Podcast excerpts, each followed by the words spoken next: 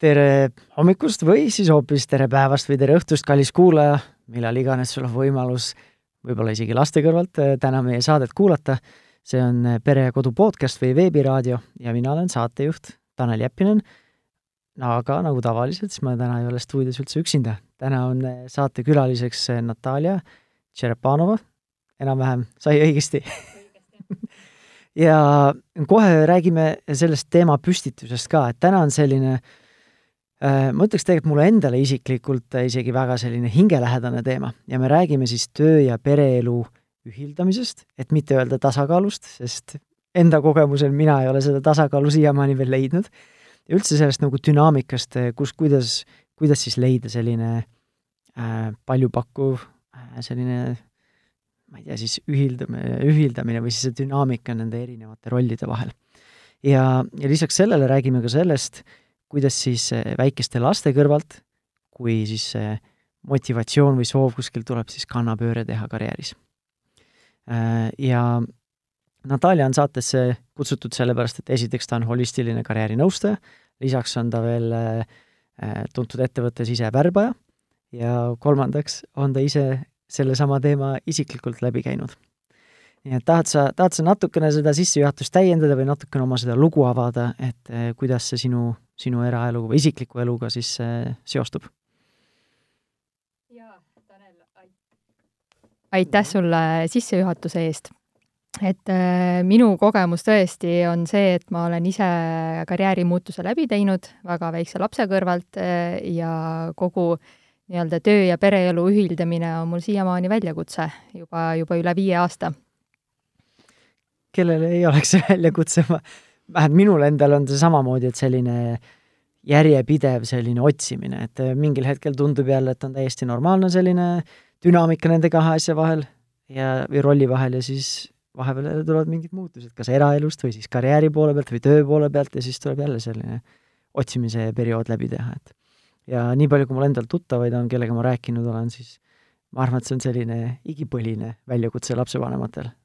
Võib-olla isegi mitte ainult lapsevanematel, üldse nii-öelda tänapäeva karjääriinimestel. just, ja, ja tegelikult ka noored, kes tulevad tööturule, tahavad hästi palju seda tasakaalu hoida oma isikliku elu ja tööelu vahel. okei okay. äh,. Hmm. ma isegi ei mäleta ennast, kui ma ise olin nii-öelda just värske nii-öelda, värske, värske noorena, ütleme noore, vana, varasetes kahekümnendates, et kuidas ma siis ise mõtlesin või millele, mis mu prioriteedid olid et äh, ei oskagi sellega praegu samastuda, praegu kui oled ise lapsevanem, siis nagu on oluliselt keerulisem, võib-olla siis olid ka väljakutsed, aga sai võib-olla lihtsamini nende asjadega hakkama mm. -hmm. mina mäletan küll, et peale keskkooli, kui ma Hansapanka tööle läksin, siis äh, ma isegi ei mõelnud niipidi, et äh,, et, et see tasakaal võiks olla, et pigem oli see, et sa tahtsid palju tööd teha ja hästi tubli tööl olla mm. -hmm. ja kuidagimoodi, ja ma käisin veel täiskohaga ülikoolis ka, et need olidki oma tolle aja eesmärgid, et siis tasakaalu peale väga ei mõelnudki. vot see on sama, mida mina mäletan, ma mäletan ka, et seda ambitsioonikust, seda nii-öelda tahad hullult ära teha, tahad, ma ei tea, kiiresti kuhugi jõuda, äh, võib-olla ennast kas tõestada või siis lihtsalt seda teostada iseennast, et seda ma mäletan, aga seda tasakaalu kohta ma praegu väga ei mäleta, et on siis see generatsioonis mingi vahe tulnud sisse või? ma ei tea, ma ei taha öelda, et ma nüüd tänapäeva noortest olen hoopis mingi teine generatsioon, aga natukene võib-olla vanem ikka kindlasti, see aastakümnega muutub hmm.. ja saad sa natukene jagada seda enda lugu ka, et kuidas see sinu, sinu puhul siis nii-öelda arenes, et sa olid karjääriinimene olnud, siis said lapsevanemaks ja mis siis edasi sai? jah, et, et kui alustada täitsa algusest, siis tegelikult mul oli enne seda, kui ma tegin karjäärimuutuse, oli kümneaastane panganduse taust selja taga. et otse peale keskkooli läksin ma panka tööle ja tegin eduka karjääri seal, õppisin, sain oma bakalaureusekraadi kätte, läksin magistriõppesse, et, et nii nagu noor edukas inimene ikka. aga siis juhtus see, et, et kui kümme aastat hakkas pangas täis tiksuma, siis ma tundsin, et midagi on puudu. et tegelikult ma võiksin kuidagi teistmoodi panustada ja, ja kõik algas sellest, et ma läksin õppima holistilist regressiooniteraapiat holistilisse instituuti ma tundsin, et ma tahan inimestega rohkem tööd teha. Ja kui ma seal kaks aastat ära õppisin, siis sain, sai minust ema, et äh, mul sündis äh, poeg ja, ja see kuidagi ka loksutas mõned asjad paika, kus ma sain selle aja iseendale, et ma sain hakata ennast analüüsima, et ma sain tööelust eemale. Ja ma hakkasin enda sisse vaatama, et mis on see, mis mulle tegelikult kõige paremini sobiks. Ja ma jõudsin selleni, et päris terapeudiks ma ei tahagi hakata. Ja, ja minu teele sattus äh, üks selline väljaõpe, kus äh, õpetati siis äh, karjäärinõustajaid, career coach'e siis välja. et see oli selline pooleaastane väljaõpe, mida ma läbisin ja ma tundsin, et tegelikult, et ma tahangi aidata inimestel oma tulevikku luua mm. -hmm ja, ja miks ma olen holistiline karjäärinõustaja, on see põhjus, et, et ma tegelikult ei vaata pelgalt ainult töövaldkonda, vaid me nõustamise käigus tegelikult keskendume inimese kogu elule. Et me vaatame üle kõik eluvaldkonnad, mis on sellel hetkel inimese jaoks tähtsad, et nad oleksid kõik omavahel tasakaalus ja me vaatame ka natukene sügavamale, et kuidas äh, inimese enda uskumused mõjutavad tema teatud valikuid, võib-olla tal on mingid hirmud, millest ei ole teadlik, miks ta ei julge muutusi teha, et me vaatame kompleksselt inimest, et mitte ainult seda, et mis äh, töö sulle võiks sobida ja mis mm -hmm. mitte. et ma näen, et sellest on äh, pal-, päris palju kasu no seda kuulates tundub, et ei ole ka väga pinnapealne, et lihtsalt teeme paar küsitlust ja vaatame, mis toimub, et kui sa räägid, et lähed tõesti, et sa lähed tõesti nagu sügavuti, et vaatad, mis võib-olla äh, nii-öelda hirmud seal on või mis võiksid olla mingid ärevusallikad või mis võiks ühes või teises eluvaldkonnas sind tagasi hoida, et see tundub päris selline põhjalik töö, et ei ole päris see, et täida nüüd mingi isiksuse tüübi asi ära ja ma annan sulle nüüd kümme valdkonda või ametit, kuhu sa võiksid sobida ja anna minna nüüd. Just, et äh, paljud inimesed, kes äh, minu juurde jõuavad ja kes on äh, eelnevalt tegelikult käinud karjäärinõustamisel, kas näiteks keskkoolis või kuskil muus kohas, et kus pakutakse seda võimalust, siis, siis nende arvamus ongi see, et, et karjäärinõustamine on see koht, kus tehakse üks test ja siis sulle öeldakse, et mis ametid sulle võiksid sobida. et tegelikult mina ise ei ole üldse testi usku. et ma karjäärinõustamises peaaegu üldse ei kasuta isiksuse teste vaid me nii-öelda läbi erinevate loovate harjutuste jõuame selleni, mis inimese sees toimub ja, ja ka tegelikult hakkamegi kaardistama ka mingisugused piirangud, mis võib-olla piiravad teda tema hetkeolukorras ja ma tunnen, et ma saangi seda kõike teha tänu oma eelnevale kogemusele, kuna ma tegin kõik selle muutuse enda peal läbi ja tollel hetkel ei olnud mul kedagi käe kõrvalt võtta, et praegu juba Äh, karjäärinõustajaid äh, näiteks väljaspoolt Töötukassat või koole, neid juba hakkab, hakkab tulema, mis on, mille üle mul on väga hea meel, aga tol hetkel see ei olnud veel nii levinud, et ei, ei osanud kuskile poole pöörduda. Tegid sa seda samal ajal ise, kui sa siis tegid oma karjäärinõustamist nii-öelda? ma tegin ennem selle läbi ja siis läksin, võib öelda niimoodi, karjäärinõustaja väljaõppesse okei okay., ma mõtlesin, et võib-olla sa olid ise, iseenda esimene klient nii-öelda, no seda ka, et nii-öelda enda peal äh, kõigepealt ikkagi läbi tehtud ja, ja minu juurde jõuavadki hästi paljud inimesed, kes on juba mõnda aega kuskil valdkonnas toimetanud, et äh, nad ei olegi nii noored ja kellel on mingi elukogemus selja taga ja nad tunnevad, et nad tahaksid äh, teha midagi teistmoodi või midagi lisaks, ei pea alati olema töökohavahetus. see võib olla ka mingi uue hobi leidmine, millega tegeleda või, või väikse ettevõtluse avamine, et, mhm. et see ei pea alati olema töökohavahetus. mulle just tundus, ma tahtsin just selle kohta küsida, et kellega sa enamasti töötad, et kui sa oma lugu natukene jagasid, siis äh, ma tahtsingi uurida või küsida, aga sa juba vastasid, et kellega sa rohkem töötad, kas nii-öelda noortega, kes nüüd tahavad leida oma seda kutsumust, et äh, see, mis nii-öelda mind õnnelikuks teeb, või siis inimestega, kes on juba nii-öelda tööturul olnud või karjääri teinud ja siis mingil hetkel jõuavad ma ei tea, kas mingisse olukorda või siis nii-öelda mõtte või seisukoha juurde, et, et tahaks natukene midagi rohkem, tahaks rohkem kogeda, tahaks rohkem tunda, tahaks rohkem, ma ei tea, saavutada või, või ennast avastada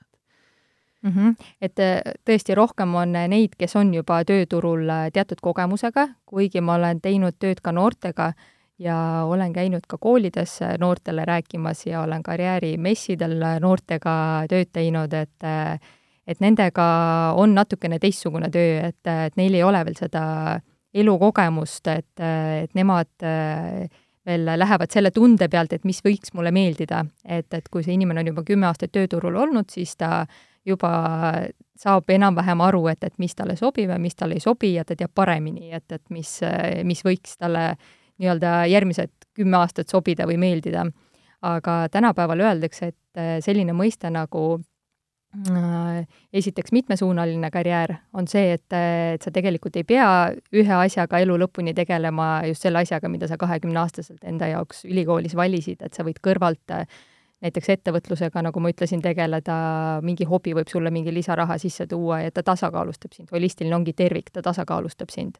Või siis tegelikult inimene tänapäeval võib teha ka selline circa kolm kuni viis karjääri oma nii-öelda tööelu jooksul, et mis on ka täiesti okei. Okay.. et sul eh, võibki kolmekümneselt tekkida selline väike kriis, et, et mis nüüd edasi ja kuidas edasi ja see on täiesti okei okay,, kui järgmised kümme-viisteist aastat sa teed järgmist eh, karjääri ja siis ma ei tea, circa neljakümne, viiekümne vahel otsustad, et nüüd ma lähen teen midagi kolmandat mm. -hmm. kõike seda on väga kergendav kuulda sest ma alguses mõtlesin, et kui me, kui me hakkasime sellest teemast arutama, siis ma endal kuklas mõtlesin, et äkki ma olen ise selline aeglane siis, et mul võttis ka kümme aastat aega, enne kui ma mingi suurema muutuse oma elus tegin, et aga ma ise nagu omistan ja natukene võib-olla kuulajale ka, et kui sina jagasid enda lugu, et siis et ma arvan, et see ei ole ainult selline emade teema, et kui sa ütlesid, sul oli võimalus nüüd, olid lapsega kodus, ma sain aru, ja siis oli võimalus nii-öelda kasu, ka-, või kasutada seda võimalust siis, et teha see kannapööre. et äh, see ei pea olema ainult siis see nii-öelda emade pärusmaa või emade selline kogemus, et mul oli endal äh, sarnaselt, ma kahekümnendates äh, läksin müügitööle ja siis põhimõtteliselt kõik, kogu kahekümnendad veetsin selles, selle karjääri nii-öelda tee, teekonnal ja kui ma olin vist kolmkümmend, kui meil tütar sündis ja siis tundus, et see ei ole, see ei ole üldse see, mida ma praegu tahan teha, sest see, üldse see töödünaamika, see ülesseadmine, kuidas, kui palju ma pidin Eestist ära olema, perest eemal olema, et siis see nagu ei sobinud. ja ma läksin kohe nagu täiesti pendliga teise äärmusse, et äh, me võtsin, ma võtsin äh, töölt ennast vabaks ja olin siis aasta aega nii-öelda, ma ei saa öelda, et ma olin kodune, sest mingil hetkel hakkasid ikkagi nii-öelda kas näpud või peopesad või midagi hakkas sügelema, et oli vaja midagi teha, kas eneseteostuseks või, või vahelduseks, et siis ma hakkasin kõrvalt tegema siis podcast'i äh, inglise keeles värsketele isadele. aga äh, ma ise tundsin täpselt samamoodi, et mul oli see, selleks päästikuks või siis inglise keeles selleks trigger'iks oli just seesama isaks saamine. et see muutis natukene enda maailmavaadet äh,, seda mida ma nägin enda lähitulevikus või kaugemas tulevikus, kuidas ma tahan oma elu elada ja nii edasi, et et lihtsalt vahe, vahemärkuseks, see võib olla isadel ka samamoodi kogemus, aga paraku tänapäeval siis ei ole võimalus kahel vanemal koju jääda nii pikaks ajaks, et selline muutus nagu teha ja ei ole vist, ei ole väga palju võimalust eh, perel ka, et nüüd aastaks ajaks töölt ennast ära võtta, eh, tavalisel perel, et et ma ise olin nii-öelda piisavalt kõvasti töötanud ja piisavalt kõvasti ja palju kõrvale pannud, et mul oli see võimalus. ja ma olen väga tänulik selle üle, et mul oli see võimalus teha. ja teha selline väikene ka, ma ei tea, kas kannapööre, aga kindlasti võrdlemisi suur muutus oma, oma karjääris. jah, kindlasti on see ka meeste teema ja ka minu juurde nõustamisele on ka mehed jõudnud. ja ma olen sinuga nõus, et äh, lapsevanemaks saamine äh, muudab äh, nii-öelda nii ema kui isa maailmapilti et eh, missugune see elu edaspidi võiks olla. ja siinkohal võib-olla isegi meestel on selles osas keerulisem, et emal on võimalus see aeg maha võtta, aga üldiselt isad peavad edasi tööl käima ja selle nii-öelda töörutiini sees on äh, päris raske jõuda nende õigete vastuse, vastusteni enda sees. et, äh, et, et isad võivad olla isegi keerulisemas olukorras siin no üks asi jah, et sul on nii-öelda peas juba nii palju erinevaid mõtteid, sul on töömõtted, sul juba nii-öelda mentaalselt ei ole nii palju ruumi nende teemadega tegeleda. ja siis teine asi,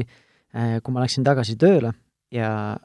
siis lõpuks mul, alles siis ma jõudsin otsusele, et jah, ma tahan ikkagi selle vahetuse teha, siis ma läksin tagasi pärast seda aastat, vaheaastat nii-öelda tagasi müügitööle. et alles siis ma otsustasin, et selle, selle muutuse võiks nagu ära teha, aga siis pea, põhitöökoha kõrvalt, siis on juba see, et selle aja leidmine. kui sul on veel pere, töö, tahaksid võib-olla eraelu elada ja siis leida selle kõikide nende äh, rollide kõrvalt veel aega mingi kõrvalprojektiga tegeleda, et seda käima tõmmata, siis see on, see on ka päris keeruline mm. -hmm. ja kõige keerulisem on üldse jõuda selleni, mida sa teha tahad, et on väga palju inimesi, kes tegelikult ei tea, mis see valdkond või järgmine tegevus võiks olla. et see on juba positiivne see, kui inimene juba teab, mis on see, millega ta tahaks tegeleda, aga ta lihtsalt ei oska veel nende tegevusteni jõuda, võib-olla aega mm. -hmm. ma tahtsingi just öelda, et eh, lisaks selle, et, et anda endale aega, et mõtiskleda nendel teemadel või natukene võib-olla avastada ka iseennast ja enda nii-öelda ma ei tea, kas peidetud võib-olla tugevusi või siiski peidetud kirgesid, on ju, et lisaks ajale, mis veel võiks olla siis need vahendid või tööriistad, kuidas siis jõuda mingitele arusaamadele mm? -hmm.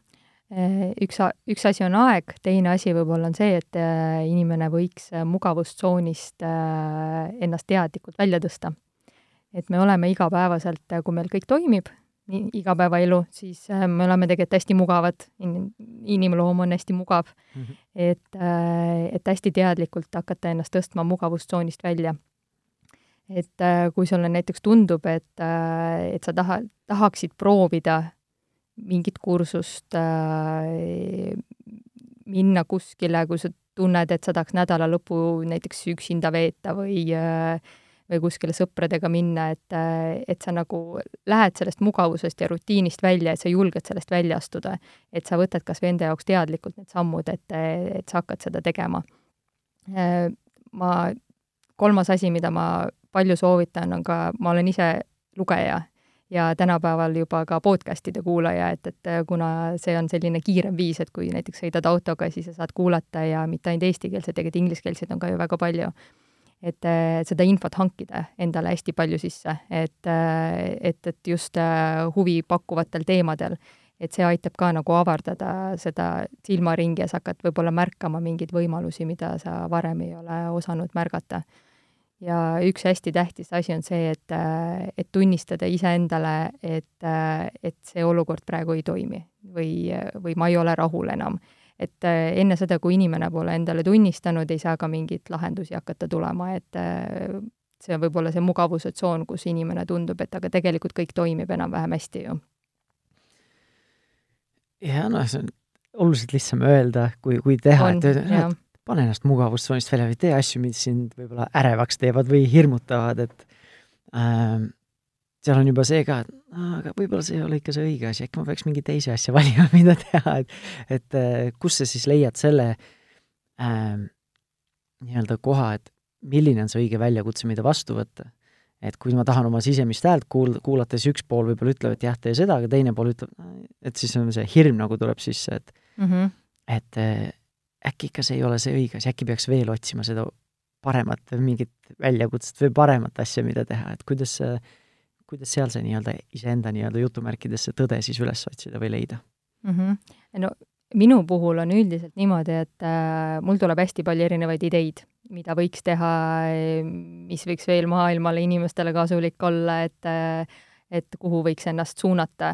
Äh, mina enda peal kasutan sellist nippi, et kui see idee tuleb ja läheb, ehk siis äh, see emotsioon tuleb peale, voh, seda võiks teha, ja kui ta on kolme päeva pärast kadunud, siis, äh, siis suure tõenäosusega ma ei peaks seda tegema, et ta oli lihtsalt korra selline välkmõte. aga kui ta on selline mõte või tunne, mis ikka tuleb iga kuu tagasi, iga nädal tuleb tagasi, et ja kuskilt on mingid märgid, mis näitavad, et ma võiksin sellega tegeleda ja ta on konstantselt kuskilt kogu aeg käib äh, minuga kaasas, siis suure tõenäosusega on see, millega ma võiksin tegeleda, isegi kui ma kardan seda, et äh, mul on see kogemus ka, kus ma äh, kui ma alustasin oma esimese nii-öelda grupi juhendamisega karjäärinõustamise teemal, siis äh, mul olid väga suured hirmud üldse inimeste ees äh, rääkimises, esinemises et ma oleks võinud selle sinna paika jätta ja öelda, et see ei ole minu jaoks, et ma teen üks-ühele nõustamisi ainult. aga see, et sa, tugev sisetunne, et sa pead selle hirmu ületama, et see ongi lihtsalt hirm ja sa lähed ja teed seda ja teed paar-kolm korda nii, et sa tõesti väga kardad, võib-olla keegi ei saa aru, aga sa tõesti väga kardad. Et siis äh, peale seda juba sa saad aru, et, et, et see sobib tegelikult sulle väga hästi, see oli lihtsalt üks hirm minevikust, mida sa pidid nagu ära õppima. Hmm.. see on päris hea selline mõttetera, mis endal meelde jätta, kui on mingi teema, mis tuleb sulle kogu aeg tagasi, et ei ole selline impulsiivne, selline emotsiooni ajal mingi selline mõte, on ju. ma kasutan sedasama tehnikat hoopis teises valdkonnas, on see, et ma olen väga impulsiivne. Mingites valdkondades, just see, et kui äh, ma unistan, mida ma tahaksin teha ja nii edasi, ma olen impulsiivne nii-öelda ostja, et tuleb mingi mõte, mul on vaja seda asja. ja siis, kui ma juba näen, seda hinnasilti vaatan ka, siis ma taas, mul on reegel, et ma annan ka endale kolm kuni viis päeva, et kas ma siis ka veel tahan seda asja või mitte, et päris palju asju on jäänud ostmata, sest need ongi sellised hetke emotsiooni ajal. ja tänu sellele päris palju raha on jäänud ka pere eelarvesse alles, et et see on nagu hea, hea võib-olla mõte, et, et jälgi ise, jälgi enda mõtteid ja oma nii-öelda neid ma ei tea, kas päris soovunelmateks neid saab äh, nimetada, võib-olla unistusteks ja, ja nii edasi, et ähm, aga nüüd, kui teeme väikese sellise käiguvahetuse ja räägime sellest äh, tööelu ja eraelu, siis sellest äh, ühildamisest või, või dünaamikast äh,, tahad sa ise kuidagi seda teemat avada või? Et miks, miks see oluline on või, või mida sa oled kogenud enda töös, et mida sa kuuled, sagedased väljakutsed või sagedased murekohad mm? -hmm. ma võib-olla alustaks äh, siinkohal ka iseenda kogemusest, kus äh, mina olin siis lapsega ligi kolm aastat äh, kodune täiesti teadlikult ja siis läksin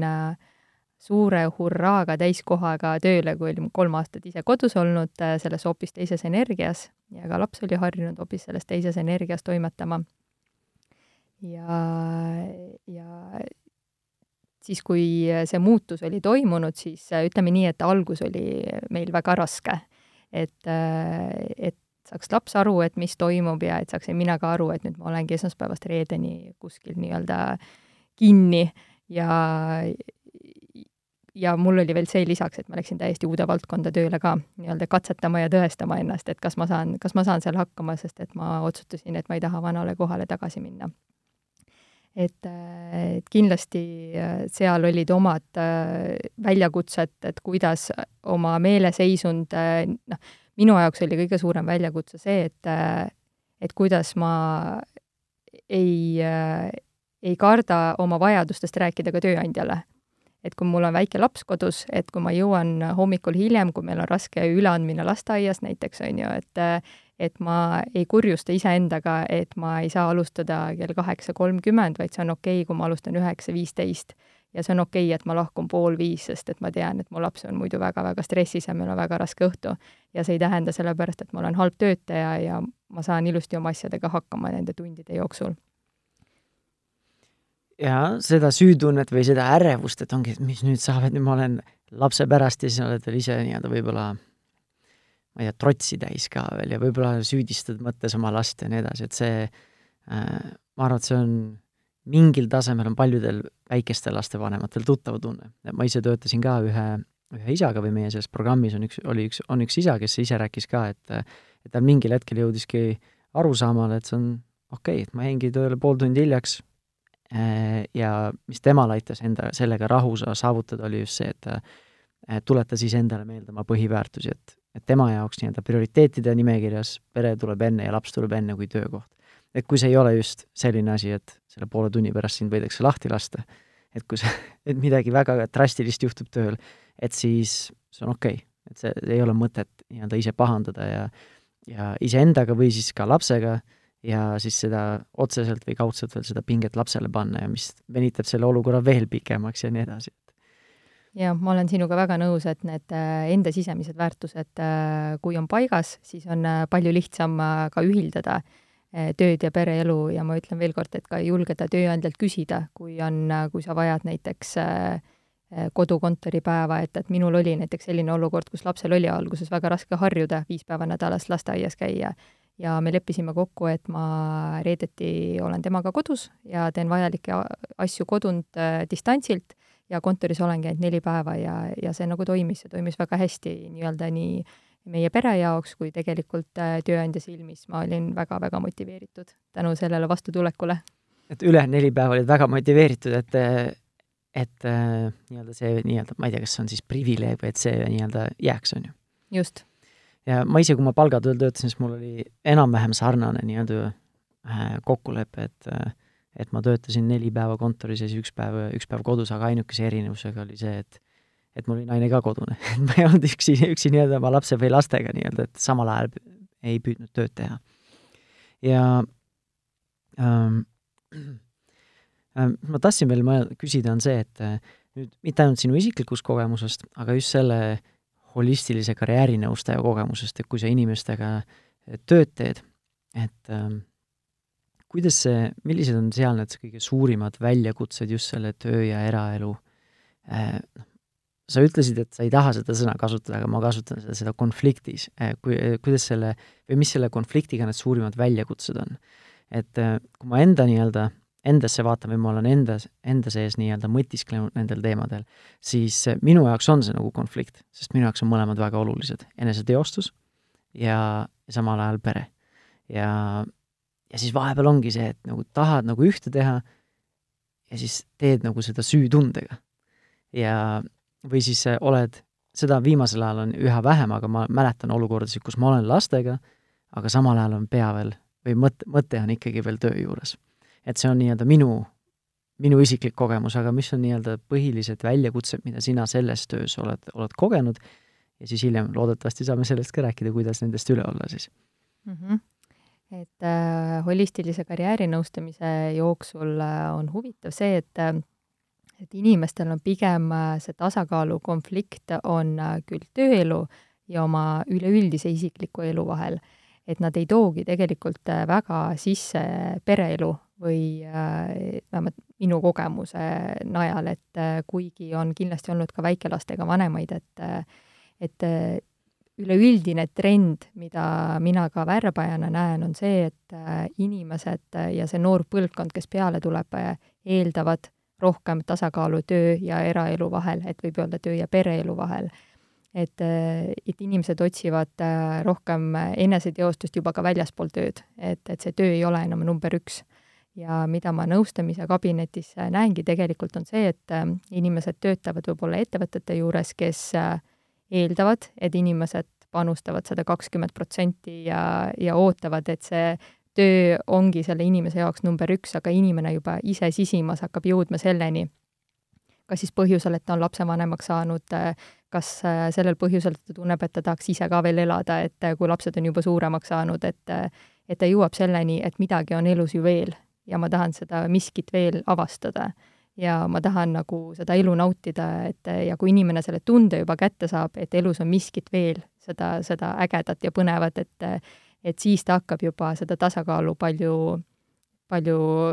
konkreetsemalt otsima. et, et võib-olla kui inimesel ei ole seda tunnetust käes, ta ongi nagu meie sinuga noorena olime harjunud äh, tööd tegema ja ja lihtsalt oma vaba aega kuidagi sisustama, et, et siis sa ei osanud tahta seda, mida, mida sa ei tea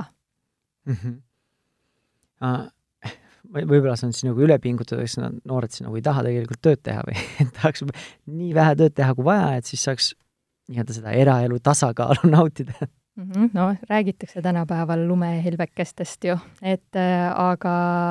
tegelikult on erinevad uuringud ju ka tõestanud, et, äh, et see viis päeva nädalas kaheksa tundi tööd äh, ei ole inimene kogu aeg produktiivne. Mhm. et võiks piisata ka nagu lühemast töönädalast, näiteks nagu Rootsis paljudes ettevõtetes rakendatakse juba neljapäevast töönädalat või siis äh, näiteks lühemaid tööpäevi, et kaheksa tunni asemel näiteks kuus tundi. et, et, et see kaheksa tundi viis päeva nädalas, see on ju väga ammusest ajast tegelikult tehase mm -hmm. töölistele mõeldud nii-öelda töörütm, et tänapäeval võib-olla saaks juba teistmoodi ja ma usun, et see uus generatsioon, kes peale tuleb, et, et nemad saavadki aru, et saab juba teistmoodi, et sa saad ikkagi kõik oma asjad tehtud, aga sa ei pea olema noh, nii-öelda ajaliselt nii palju kinni töö, tööasjades. kas võib, võib seda ka siis üldistada, et nii-öelda need uus generatsioon, kui ma seda ütlen, siis ma tunnen iseennast väga hoopis vanem, vanemana, kui ma võib-olla tegelikult olen, aga et see, nagu sa ütlesid, see muutus võib-olla on äh, nii-öelda mentaliteedis juba toimunud, et, et töö ei ole see, kus ma otsin nii-öelda no ma ei tea, kas parema sõna puudumisel praegu siis nagu eneseteostust või et see ei ole see koht, kus mis peab andma mulle selle minu identiteedi, et see on lihtsalt asi, mida ma teen sellest kellast selle kellani ja siis ülejäänud ajal ma võin leida selle, mis tõesti nagu annab mulle palju emotsioone, mis pakub mulle eneseteostusvõimalust ja nii edasi. Jah, mulle tundub, et tänapäeval, võib-olla tänapäeva noorte jaoks äh, isegi töö ei ole ainult äh, see koht, kus ennast teostada, sest et äh, sa võidki ennast leida hoopis mujalt aga mida nad, üks asi, millest me ei ole rääkinud, mida inimesed tänapäeval otsivad, on see, et nende tööl oleks mõte. Et nad saaksid kas kedagi aidata, kuidagi ühiskonnale kasulikud olla, et nad ei taha lihtsalt tööd teha töö pärast või tööd teha raha pärast, et nende töö sisul oleks mõte et oleks mingi tähenduslikkus või Jah. tähendusrikkus nii-öelda sellel asjal, mida ma teen, et see ei ole lihtsalt see, et noh, et kui mind oleks või ei oleks, vahet ei ole, vahet ei ole, kas ma olen seal vahel või ei ole see väike mutrike nagu. et ma näen mingit äh, tulemust või mi-, mida minu töö reaalselt annab või muudab. just. Seal on kindlasti ka eh, kuhugi maani saab oma mõtteid korrigeerida ja seda tähendust oma tööle luua. Mm -hmm. et, et seal on selline kahe otsaga pulk, et see ei ole alati nii, et, et see töö sisu on ainuke, mis seda tähendust loob, et sa võid ise ka oma mõttemaailmaga selle tähenduse luua, aga kindlasti on seal ka mingid piirangud peal, et sa lõpuni ei saa mõelda, et kui sa teatud töökohal ei taha olla, sa ei saa lõpuni ennast motiveerida, et miks see nii tore minu jaoks on. nojah, kui sa juba ei taha, siis seal on juba nii-öelda see kon-, nii-öelda konflikt sees, et noh, kui keegi võib olla selle, selle kassalindi ees, on ju, teed kogu aeg see tüdiš-piip, tüdiš-piip, on ju, tuima näoga, on ju, ja siis keegi teine on seal, vaatab inimestele otsa, ütleb, kuidas sul täna läheb, head päeva sulle ja nii edasi, et silm särab endal, et siis töö on iseenesest ju sama. aga kuidas ma ise suhestun sellega tööga, kuidas ma iseennast näen selles rollis, kuidas ma, ma ei tea, tunnen, et teised näevad mind selles rollis ja nii edasi, et et nagu sa ütlesid, väga palju saab ise ära teha, aga kui sa juba oled kuskil kinni, siis noh, tavaliselt on see, on raske võib-olla sealt nagu vä-, välja saada või lahti saada või sada kaheksakümmend kraadi teha oma meelestatuses. Just, ja, ja võib-olla kui inimesed on kuskil kinni, siis äh, minu kogemus ka nagu nõustamise praksises äh, näitab, et inimesed tegelikult väga enesekriitilised. et äh,, et neil võib üks hetk tunduda, et äh, et ma mõtlengi valesti ja teised on ju kõik rahul ümberringi oma töödega, et miks mina nii tunnen ja nad äh, ei julge endale tunnistada, et nii on ja see on täiesti okei okay. või et see, et see mulle ei sobi, on täiesti okei okay., et, et igaüks ongi ainulaadne ja et sa peadki leidma ja otsima seda oma õiget kohta mm. -hmm. kui me nüüd saaksime, võib-olla tuleks natuke tagasi just selle lapsevanema nii-öelda kogemuse juurde, et just kui me räägime sellest pere ja ja tööelu või siis ütleme, eraelu ja tööelu, äh, sellest dünaamikast või sellest ühildamisest, siis äh, ma, ma tunnen küll, et on, et on, ongi seal nii-öelda kerge selline nagu ma ei tea, kas pingekoht, et, et kui ma ise, ise vaatan, ma tahaks mõlemat, aga mõlemat nagu korraga ei saa. et minu lahendus, mis mina olen enda jaoks läbi mõelnud, ongi see, et, et ma, mille poole ma püüdlen on see, et kui ma olen tööl, siis ma olen sada protsenti tööl. Kui ma olen kodus ja perega või lastega või naisega, siis ma olen sada protsenti seal. et see on, et mina olen nagu selle võitluse nii-öelda nagu maha matnud, sest ma ei ole selle, ma ei ole suutnud seda võitlust võita, et kus leida see nii-öelda nagu tasakaal kas tundide või aja või mis iganes, kuidas, kuidas iganes ma tahan seda mõõta. et ma olen püüdnud sellega seda teha, et, et ma olen lihtsalt sajaprotsendiliselt selle juures, fookusega, tähelepanuga, kohalolekuga, mis mul parasjagu käes on. Ja see on, ma ütleks, väga palju mind aidanud, aga nii mõnigi kord on sellega ka nagu keeruline, et äh, nagu ma ütlesin, et et isegi, isegi kui siis ma olen äh, nii-öelda pere juures äh, füüsiliselt ja ma olen emotsionaalselt ka seal, siis teinekord lähen jälle tööle tagasi ja siis näen, et aa, nii palju asju on veel vaja teha, et kuidas ma siit nüüd, kuidas ma sellest nii-öelda mäest üle saan et siis seal tuleb jälle see stress, stress peale. et kui ma olen perega, siis ma saan vabalt olla, kui ma lähen tööle, siis tuleb jälle, jälle stress peale. et kuidas või kuidas sina, ütleme, selle holistilise karjääri nõustamisega, kuidas sa aitad siis inimesi või ütleme, pereinimesi, kes teevad karjääri ka, kes töötavad, on tööl ja, ja, ja pereinimesed, et kuidas sa neid aitad või kuidas sa siis inglise keeles neid coach'id või siis juhendad leidma seda dünaamikat, mis nende jaoks just kõige parem on sest nagu sa ütlesid, see kaheksa tundi tööpäevas võib-olla ei ole kõige parem. et eh, kus nad leiavad selle, selle minu nii-öelda selle, ma ei tea, kuldse sellise dünaamika siis mm. -hmm eks see kõik algabki tegelikult äh, konkreetse inimese äh, nii-öelda isikliku elukaardistusest ja sellest, et millest ta puudust tunneb, on ju. et seal võib äh, naisel näiteks olla hoopis niipidi, et ta ei saa tööl olles mõtteid eemale sellest, mis lapsega toimub, on ju et äh, ja võib äh, niipidi olla, et kui sa oled õhtul, siis sa mõtled ka tööülesannete peale, et, et mis kõik on tegemata ja, või siis võib-olla teedki arvuti lahti ja hakkad meilidele vastama. et see on see, mis on konkreetse inimese nii-öelda probleemi püstitus, et, et kust me hakkame seda lahendust otsima. et seal tegelikult see töö ja era, eraelu tasakaal, et tulebki nagu aru saada, kus on piirid ja mis on need piirid, mida saab nihutada. Ja, ja kas mis on su prioriteetid, kui su prioriteet nagu sa ennem tõid ühe näite, on pere ja laps ja, ja naine siis, äh, siis vastavalt sellele, et sa ei nihuta, ei hakka piire nihutama seda, et sa hakkad õhtuti natukene rohkem tööd tegema, et järgmisel päeval mitte stressi tunda. et, äh, et, et siis sa pigem nihutad seda piiri nii, et kui sul on vaja varem ära minna, siis see on okei okay, ja sa teed kas intensiivsemalt järgmisel päeval tööd või siis võtadki enda jaoks õhtul pool tundi, et noh, et see on, äh, see on hästi nagu individuaalne, et, äh, et, et kuidas seda tasakaalu luua, et see kõik oleneb inimese enda eesmärgist, et kas ta tahab rohkem tööl efektiivsemalt töötada, et õhtul, õhtud ja nädalavahetused oleksid vabad, äh, või siis ta tahab rohkem oma perega aega veeta, et siis võib-olla ma soovitan hoopis osakoormusele tööle minemist, tänapäeval jällegi tööandjad on hästi tublid, nad pakuvad ka null koma kaheksa, null koma seitse koormust, et võib-olla sa saad aru, et see palk, mida sa teenid, et, eh, et see ei ole nagu nii motiveeriv, et sa võiksid natukene vähem teenida, aga reeded endale vabaks saada. et, et tänapäeval on seal hästi palju erinevaid lahendusi, et, eh, et kuni, kuni selleni välja, et mõni lähebki poole kohaga tööle või siis äh, ongi konstantselt iga reede on kodukontoris selleks, et, et lap-, lapsega saaks natukene noh, laps saaks koduses õhkkonnas olla, et mitte kogu aeg ainult lasteaias Mhm. ma tahaks kahe teema juurde tagasi tulla, mis sul äh, siin alguses läbi käis. ja kui, kui kuulaja varem ei ole märganud või et siis minu nii-öelda kommentaaridest vist ilmselt paistab, et ma olen nii-öelda taastuv töönarkomaan, on ju, kes kes on, nagu ma ütlesin, enamus kahekümnendates ma nagu, töö oli A ja O, see oli see, mille nimel, mis oli väga suur osa minu ide-, identiteedist. ja see oli, tegi üks, üksjagu raskeks just selle otsusega, et nüüd selles, see selja taha jätta ja teha see äh, otsus, et ma võtan aasta aega vabaks, et ma ei osanudki leida, võib-olla tagasi vaadates ja analüüsides oligi see, et et ma ei osanudki leida juba siis seda balanssi, et tegin kõvasti tööd ja nüüd oli vaja siis täiesti vabaks võtta ennast, sest muud varianti ma ei oska leida või näha, on ju. aga üks asi, mis ma olen näinud, mis ma ise olen kogenud ja olen näinud teiste puhul, on täpselt seesama, mis sa ütlesid, iseenda prioriteedid ja väärtused läbi mõelda. sest äh, üks äh,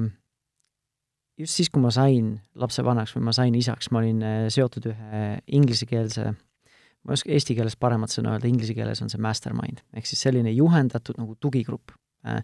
ja mis oligi suunatud just isadele. ja, ja seal oli siis üks äh, koolitaja, kes käis esinemas ja rääkimas, siis siiamaani mul on tema selline ütlus, ütlus meeles, kus ta rääkiski USA-s, see oli inglisekeelne, on ka see töönarkomaania on päris nii-öelda kultuuris sees juba, et see on see, mida tehakse. et pead ennast äh, ogaraks, ogaraks tõmbama, aga et sul oleks naabrist parem auto või sul läheksid pikemale või paremale või uhkemale reisile, kui su naaber läheb või või sugulased lähevad ja nii edasi, et selline pidev võidujooks. ja eks ma ise olin ka seal kultuuris päris pikalt, kümme aastat nii-öelda töötanud. ja see asi, mis mul siiamaani on kõlama jäänud, on see, et äh,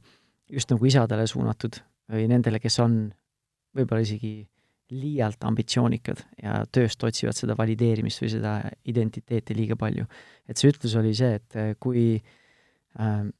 kui sa nagu ainult või ainult nagu töösse panustad, siis lõpuks tuled koju endal äh, taskud raha täis, aga ei jõua, tuled koju majja täis võõraid.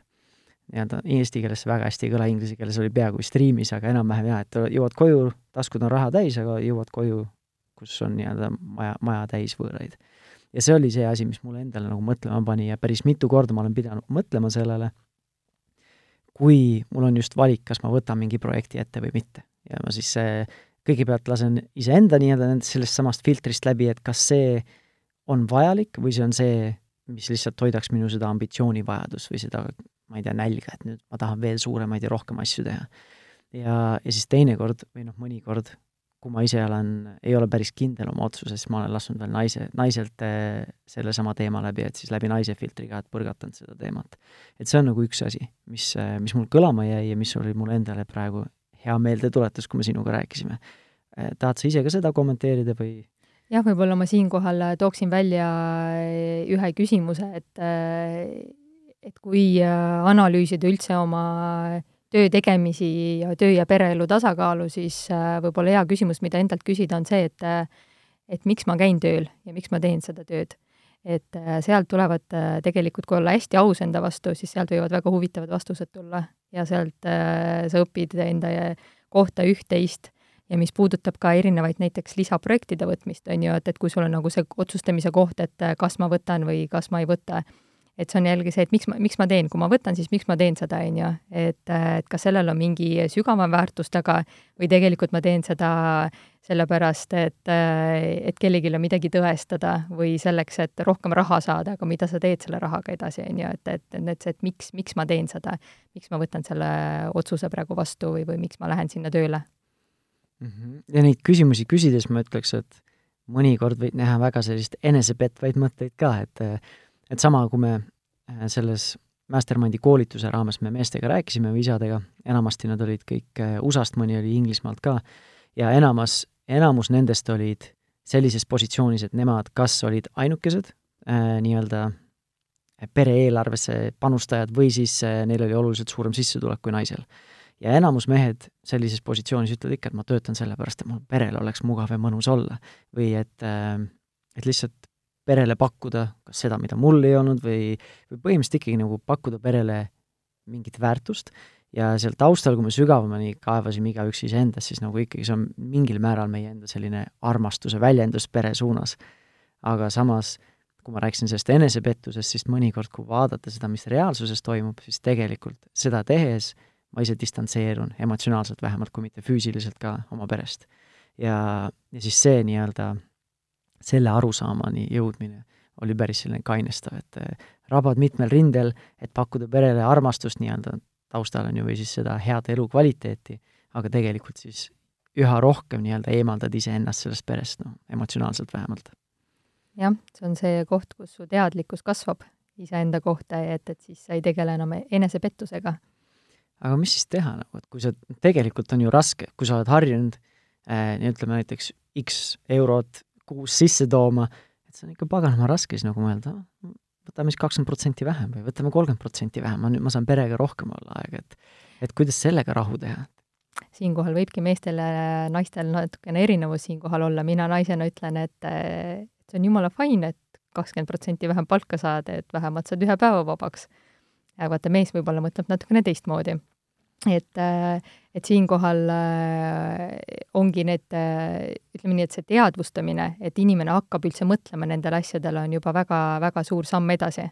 et, et, et, et siin tulebki hakata enda sisse tegelikult sügavamale kaevama, et ega seal taga võivad olla erinevad uskumused, millega me ka holistilises karjäärinõustamises töötame, kus me võib-olla võtame oma vanematelt hoopis üle mingid uskumused seoses rahaga, seoses tööl käimisega et, et kui seda nagu teadvustades, siis võib-olla saad aru, aga mina ise tahaksin teha asju teistmoodi, lihtsalt ma olin kogu aeg näinud mingit pilti, kuidas peres asju tehakse. et see ei ole ainult ka tööl käimisega, see on ka kõige muuga. no ja siit ilmselt me ei saa seda nii-öelda neid uskumusi ainult, ainult oma perest, vaid üldse ühiskonnast. et kui me vaatame minu vanemad, ilmselt sinu vanemad ka, kui nemad nii-öelda kasvatasid meid või mina sündisin, siis oli Nõukogude aeg veel, et et hoopis teistsugune mentaliteet oli siis üldse ühiskonnas, mitte ainult enda, enda peremudelis, on ju. ja, ja siis teine asi, ma ütlesin, mul oli kaks asja, mis mm. ma, mille juurde ma tagasi tahan tulla, on see, mis mind ennast väga kõnetas ja mis minu jaoks on olnud, nagu minu varasematele kommentaaridest oli näha, on, on just see, et kui sul need prioriteedid ja väärtused sõnastatud ja endale defineeritud, et siis panna paika need piirid piirid eraelu ja tööelu vahel, võib-olla ka pereelu ja, ja oma aja ja nii-öelda eraelu vahel. et äh, ma, see on asi, mida mina ise jätkuvalt nii-öelda õpin paremini kasutama, aga nii palju, kui me oleme enda peres seda kasutanud ja mina isiklikult just oma eraelu või pereelu ja töö, tööelu vahel, et siis see on, see on see, kus, mis on võib-olla kõige kiiremini ja paremini isegi neid tulemusi andnud jah, see piiride paikapanek on kindlasti iga inimese elus on hästi tähtis ja inimene oskab enda elus piire paika panna siis, kui ta õpib iseennast tundma mm. -hmm. et äh, kui ta hakkab aru saama, mis on äh, tema prioriteedid ja ja tegelikult, mida ta ise tahab, et, äh, et öeldakse, et võiks alustada ju sellest, et sa number üks oled ise enda jaoks olemas ja ise oled tasakaalus, ega ennem sa ei saa ei lastele ega ka tööandjale ega ka väljaspool inimestele tegelikult midagi anda, et, et sa pead olema ise tasakaalus, et, et ma näen väga palju ikkagi seda, et inimesed äh, on ise väga tasakaalust väljas, proovivad kõigepealt tööandjale hästi tublid töötajad olla, proovivad kuidagimoodi abikaasale ja lastele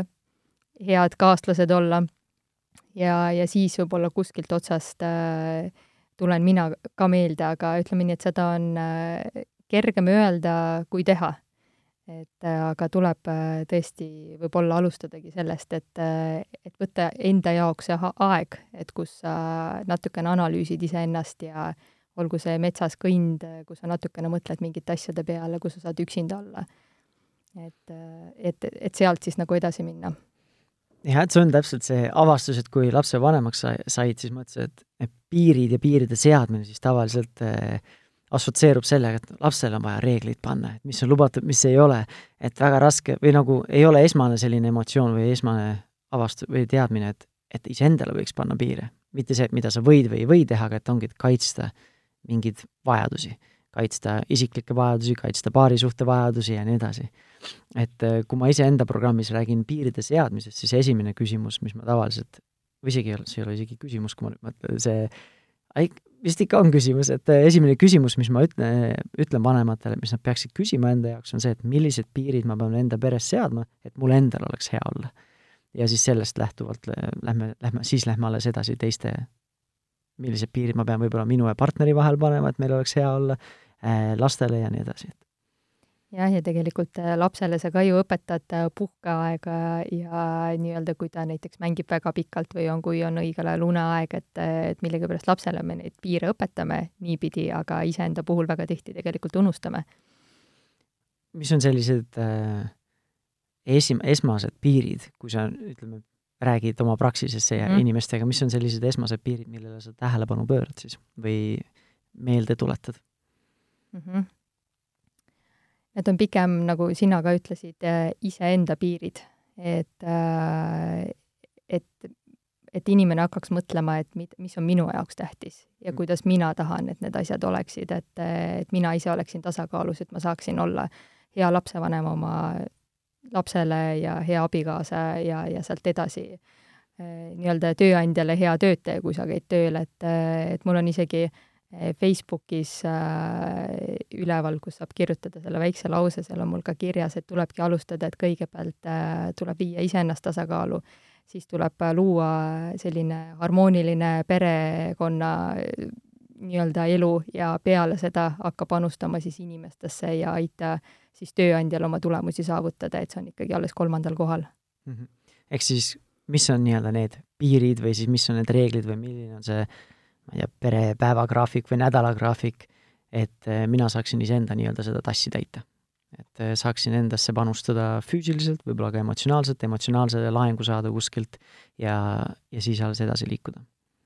just, sest et äh, siia tulevadki mängu tegelikult ka sellised väga väiksed asjad, et kas sa oled üldse hommiku- või õhtuinimene, on ju, et, et meil on tegelikult tööaeg on väga suhteliselt äh, paika pandud, aga, aga jällegi, kas sa suudad endale tunnistada, et sa ei ole hommikuinimene ja sa ei jõua kella kaheksaks ja sa räägid seda tööandjaga läbi, et see võiks okei okay olla, on ju. et see on jällegi see iseenda piiride tunnetamine, mida mina vajan, ja ka julgus selle eest seista ja seda välja öelda. et siis maailm ka toetab, et, et kui sa ise usud sellesse, et sa oled äh, et sa oled seda väärt või sa oled sellist elu väärt, et, et siis kuidagi hakkavad need, need võimalused ka sinuni jõudma. ja juba ma kujutan ette, et, et see juba võib olla mugavustsoonist välja mine, minemine, et iseenda eest seista või iseenda vajaduste eest seista. jah, et äh, suu lahti teha ja öelda, et, et nii on tähtis mulle ja nii ma olen äh, sulle palju parem töötaja, kui sa lubad mulle näiteks tund aega hiljem tulla ja tund aega, hiljem minna. või siis parem partner või abikaasa jah nüüd lõpetuseks, nüüd kui me hakkame otsi kokku tõmbama, et ma tahaks veel korraks küsida, et mis nõu sa võiksid anda just nendele vanematele, kes on näiteks praegu väikese lapsega kodused ja kellel on, närib kas kahtlusi hinge või siis noh, midagi nagu sügeleb, et no ei tea, kas, kas ma tahaksin pärast seda äh, aega uuesti siis samale positsioonile minna või samasse rolli minna. et oskad sa mingit lühidalt sellist nõu anda nendele lapsevanematele, kes nagu tahavad sellist väikest kas karjäärivahetust, suunamuutust või päris kannapööret teha või lihtsalt sellise nagu eneseotsingu tee alguses mm. -hmm kõigepealt ma soovitaksin, et, et kui sa oled äh, lapsevanemaks alles saanud, siis võta endale julgelt see aeg, kus sa oledki ainult äh, lapsevanema rollis, no kui me räägime näiteks emadest, on ju, kes mm., kes on kodused et julgelt võtta see aeg,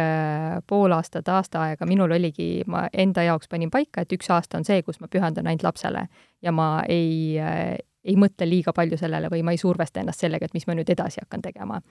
et, et julgelt võtta see aeg, kus sa nii-öelda kõigepealt elad sisse selle uude rolli siis peale seda on minu meelest väga tähtis see, et sa paned ka endale ajalise eesmärgi, et hiljemalt mis ajaks sa peaksid olema enda jaoks otsustanud, et mis hakkab saama, et kas sa lähed tagasi, kas sa liigud kuskile edasi, et see ajaline mõõde on väga tähtis, et inimesed kuidagi võib-olla ei mõtle selle peale, et nad mõtlevad, et küll mul see, see, see mõte tuleb üks hetk, kui on õige aeg ja, ja aga siis juhtub see, et, et see aeg on käes, kus sa pead tööle minema tagasi ja, ja sul ei ole läbi mõeldud tegelikult, et ja seda mõtet ei ole tulnud. et kui sa enda jaoks mõtled, et äh, hiljemalt pooleteistkümneks aastaks, näiteks kui emapalk hakkab lõppema, et näiteks kuu aega enne seda ma juba tean, mida, mida ma hakkan edasi tegema, et äh, et siis jällegi ma ütlen, kui sul on see eesmärk niimoodi ajaliselt äh, paigas, siis hakkavad ka need võimalused tulema, et, et siis võtadki enda jaoks näiteks pool aastat äh, sellist äh, eneseanalüüsi aega, kus hakkadki nagu ennast analüüsima, lugema, panema kirja mingeid ideid, mis sul korduvalt tagasi tulevad, et äh, nagu me ennem rääkisime, mitte impulssideed, vaid need, mis korduvalt tagasi tulevad. ja tegelikult ka oma elukaaslase või abikaasaga läbirääkimine et, et, et kuidas me perena koos selles olukorras, mis võimalused meil on, et kas meil on näiteks võimalus äh, sa naisel pikemalt kodus olla või on mõlemal, näiteks mehel on selline olukord, et tal ongi võimalus näiteks hoopis koju tulla mõneks ajaks, on ju, ja olla koos oma perega ja siis mõelda nende asjade peale. et mis on perega koos, mis võimalused on ja kes see tugivõrgustik mu ümber on, kes mind hakkab toetama, kui ma hakkan mingeid muudatusi tegema. et seda ei pea kindlasti üksinda tegema. väga vahva, ma pean selle, selle osa enda naisele ka saatma kui keegi on nüüd selles positsioonis, nagu me rääkisime, sellest jäi natukene väheks, mis me täna siin arutasime ja mis sa nüüd lõpus siin äh, väikse monoloogi tegid, et kuhu sa suunaksid neid või milliste ressursside poole äh, sa suunaksid äh, need huvilised mm? -hmm. et no esimene asi on see, et ma suunaksin lugema erinevaid karjäärialaseid raamatuid, mis on eesti keeles välja antud väga palju äh, et näiteks äh, siin on tööõnne raamatut, äh, Eesti oma inimesed, Eesti oma inimene on kirjutanud Ikigai ja see on üks Jaapani filosoofiast tulenev raamat, et tööga õnnelikuks, siin, siin on neid variante, et, et ma kõigepealt suunaksin sinna ja, ja kui äh, nii-öelda ikka ei leia seda ise omal käel ja see, mis on täiesti okei okay,, on ju, siis äh, tuleb äh, küsida nõu kõrvalt, et, äh, et, et natukene keegi saaks nii-öelda tagasi peegeldada ja, ja aidata seda suuremat pilti luua mm. -hmm. tahad sa öelda ka, kus sind leiab? Jaa, mind leiab kodulehelt sammedasi.ee. väga lihtne, sammedasi.ee tahan sulle suure-suure aitäh öelda, Natalja, et sa võtsid aega, et siia tulla, et ma loodan, et et kuulajatel oli ka põnev, oli midagi kõrvale kõrva taha panna, kui mitte praeguseks hetkeks, siis ettevaatavalt tulevikku ja, ja kui neil on huvi, et nad leiavad siis tee kas nende raamatute juurde või sinu juurde. aitäh kutsumast, Tanel! aga palun! ja selleks korraks ongi enam-vähem kõik ja lõpetuseks veel, et kui tänane teema või eelmised teemad on sind kõnetanud, siis meil on kokku juba üle neljakümne saate välja tulnud ja kõik need saated ja ka tulevased saated leiad nii veebiavarustest, Delfi ja Pere ja Kodu veebiväljaannetest kui ka äh, Spotify äh, platvormilt, kui ka siis oma nutitelefoni podcasti äpist äh, leiad kõik meie varasemad saated. nii et kuulamist jagub, kuula mõnuga ja kui soovid, siis minu leiad Facebooki grupist Positiivne ja rahumeelne vanemlus. aga aitäh kuulamast veel kord ja järgmise korrani!